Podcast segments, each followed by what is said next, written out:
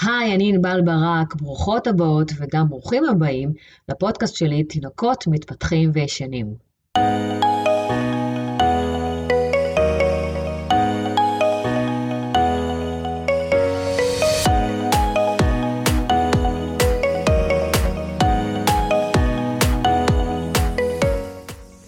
בפרק הקודם בפודקאסט דיברתי על חלונות שינה. אם ממש במקרה לא האזנתן לו, אני ממש ממליצה, ואם כן האזנתן, מצוין. הפרק הזה הוא סוג של המשך שלו. למה המשך? כי בפרק הזה אני אדבר על מחזורי שינה. וכרונולוגית, לא רק אצלי בפודקאסט מחזור שינה מגיע אחרי חלון שינה, אלא גם בפיזיולוגיה של השינה. לא מעט הורים מבלבלים בשני המושגים האלו, חלון שינה ומחזור שינה. נכון, שניהם קשורים לשינה, בטח הבנתן את זה מתוך השמות שלהם, אבל אלו שני דברים שונים. כאמור, מחזור שינה הוא פרק הזמן שמתחיל אחרי חלון השינה, כלומר, אחרי שהתינוק נרדם. ולמעשה כל שינה מורכבת מכמה מחזורים, משינה של מחזור אחד, שינות של שניים עד ארבעה מחזורים נגיד במהלך היום, ועד לשינה של כ-11, 12, 13, 14 מחזורים, כשמדובר על לילה שלם. מה קורה בכל מחזור בודד? בפרק הזמן הזה התינוק עובר דרך כל תדרי השינה, מגיע לשינה עמוקה ועושה שוב את כל הדרך חזרה דרך כל התדרים עד שהוא מקיץ. דמיינו לעצמכם שהוא כאילו צולל לתוך בריכה, מגיע לקרקעית ומשם עולה את כל הדרך בחזרה כדי לקחת אוויר. זה מחזור שינה, ואצל תינוקות הוא נמשך בין 40 ל-45 דקות. היקיצה הזאת בסוף המחזור, העלייה הזאת בחזרה כדי לקחת אוויר, היא טבעית. היא חלק ממנגנון השינה, היא אמורה לקרות ואוי אוי אוי אם היא לא תקרה. אממה, יש מצב שאחרי שהתינוק הקיץ, הוא יצטרך לדלג למחזור הבא, כי הוא בעצם צריך להמשיך לישון. והמצב האידיאלי הוא כמובן שברגע שהתינוק נרדם, הוא ידלג בין כל מחזורי השינה שהוא צריך בקלות. כלומר, עליתי בחזרה לשפת הבריכה כדי לקחת אוויר, סבבה, אני צולל שוב. ושוב עולה, ושוב צולל, וכך הלאה. כמה שאני צריך. איך נראית עקיצה כזאת מהצד?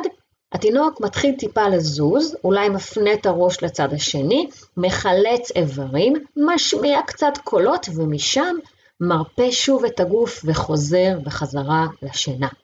היכולת הזאת נקראת דילוג בין מחזורי שינה, והיא חלק בלתי נפרד מיכולות השינה של התינוק. זה כמובן המצב האידיאלי, אבל הרבה פעמים נשקיע מאמצים בהרדמות של התינוק, והוא באמת ירדם, איזה כיף. אממה, אחרי מחזור שינה אחד הוא התעורר. הוא התעורר ואני רואה שהוא עדיין עייף. הוא משפשף את העיניים, הוא עצבני, אני מבינה שהוא לא ישן מספיק. אז למה התעוררת? אז קודם כל, הוא התעורר בסוף המחזור כי הוא אמור להתעורר. הבנו, זה המנגנון הטבעי. או ליתר דיוק, הוא אמור להקיץ, לא ממש להתעורר. אז למה ממש התעוררת? במקרה הזה יכולות להיות כמה סיבות. סיבה אחת, יכולות ההרפייה שלו. אם הוא לא יודע להרפות בעצמו, כלומר להירדם בעצמו, בכל מחזור שינה הוא יזדקק לעזרה. סיבה שנייה, הרגלים. אם הוא רגיל להירדם בדרך מסוימת, עם עזרה של משהו או מישהו, ידיים, תנועה, ציצי, מגע, מנסה, מוצץ, עגלה, או כל הרגל אחר, יש מצב שהוא יצפה לקבל את אותו הדבר ביקיצה הבאה. כמובן שיש קשר בין שתי הסיבות האלו, תמיד חוסר יכולות מוביל להרגלים ותלות של התינוק בדברים שחיצוניים לו. ולכן הפתרון גם נעוץ בהן. במקרה של קושי בדילוג בין מחזורים, אנחנו נרצה א', לשכלל את יכולות ההרפאיה של התינוק, ב', להוריד גורמי תלות. כלומר, ככל שהתינוק ידע להירדם עצמאית, כך הוא ידע לדלג בין מחזורי השינה. הגיוני, לא? כך או כך מדובר בהירדמות. וזה לא משנה אם זו ההירדמות הראשונית או ההירדמות בין המחזורים. לשתיהן נדרשות אותן היכולות ואותם ההרגלים. איך תדעי כמה מחזורים כוללת כל שינה?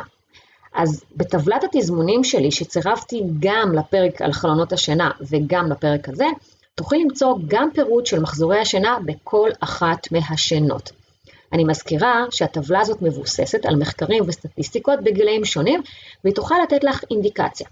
אבל בסופו של דבר, לתינוק שלך יש טבלה משלו, ואני תמיד, תמיד ממליצה לבצע רישום יומי כדי להבין אותה. בסופו של דבר, רק מתוך ההתנסות איתו אנחנו יכולות להבין כמה הוא אמור לישון בכל שינה. כלומר, כמה מחזורים. כשהוא קם משינה והוא בטוב, הוא כנראה ישן את משך הזמן שהוא היה זקוק לו. אני מניחה שכמה מכן מקשיבות עכשיו ואומרות, מה מחזור? איזה 40 דקות? במהלך היום הוא מתעורר אחרי 20 דקות. הלוואי והיה משלים מחזור. אז קודם כל, אני ממש מקווה שזה לא קורה בכל השינות, אבל מצב כזה בהחלט יכול לקרות. התינוק למעשה לא הקיץ במסגרת היקיצה הטבעית של סוף המחזור, אלא המחזור באמת בכלל לא הסתיים, הוא פשוט התעורר במהלכו. למה? במקרה הזה הסיבה היא פרופר, משהו הפריע לו. גירוי חיצוני או פנימי. זה בסדר והגיוני, יכול להיות שפתאום משהו יפריע לשינה. אבל מה הקטע? כל עוד זה לא משהו משמעותי, כמו התקף גזים או חולי אחר, או לחילופין איזשהו רעש מתמשך, נרצה לראות שמשם הוא מרפה בחזרה וחוזר לישון. אם זה משהו שקורה באופן קבוע ברוב שנות היום או בכולן, אז גם פה הסיבה קשורה לרוב לשילוב בין יכולות ההרפאיה והרגלים. כנראה שהוא זקוק לשכלול של היכולות ומינון גורמי התלות בכניסה לשינה. דרך אגב, למה חשוב שבמהלך היום התינוק יגיע למצב שהוא משלים לפחות מחזור שינה אחד? כי תינוק הוא לא טלפון. כן, כן. למה טלפון?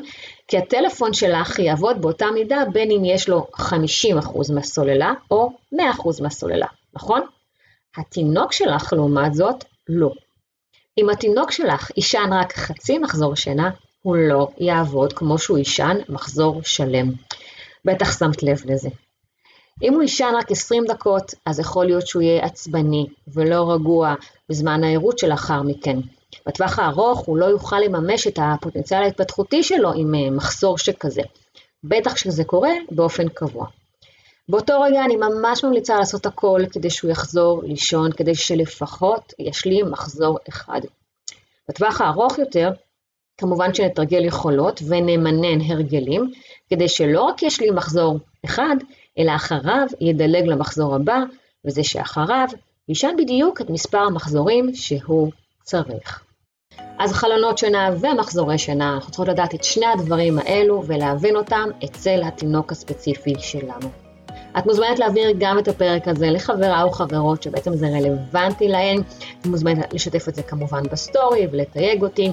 אם את מרגישה שאת צריכה ייעוץ שינה מסודר, מספר הטלפון של המרכז שלי מופיע בפרטי הפודקאסט עצמו. תתקשרי או שלחי הודעה והצוות שלי ממש ישמח לעזור לך, לתת לך פרטים על יועצי השינה שלנו. בנוסף, אם את עדיין לא עושה את זה, תעקבי אחריי גם באינסטגרם ענבל ברק בייבי, בפייסבוק ענבל ברק, בקבוצת הפייסבוק שלי תינוקות מתפתחים וישנים, ובערוץ היוטיוב שלי. יש שם המון המון המון המון מידע.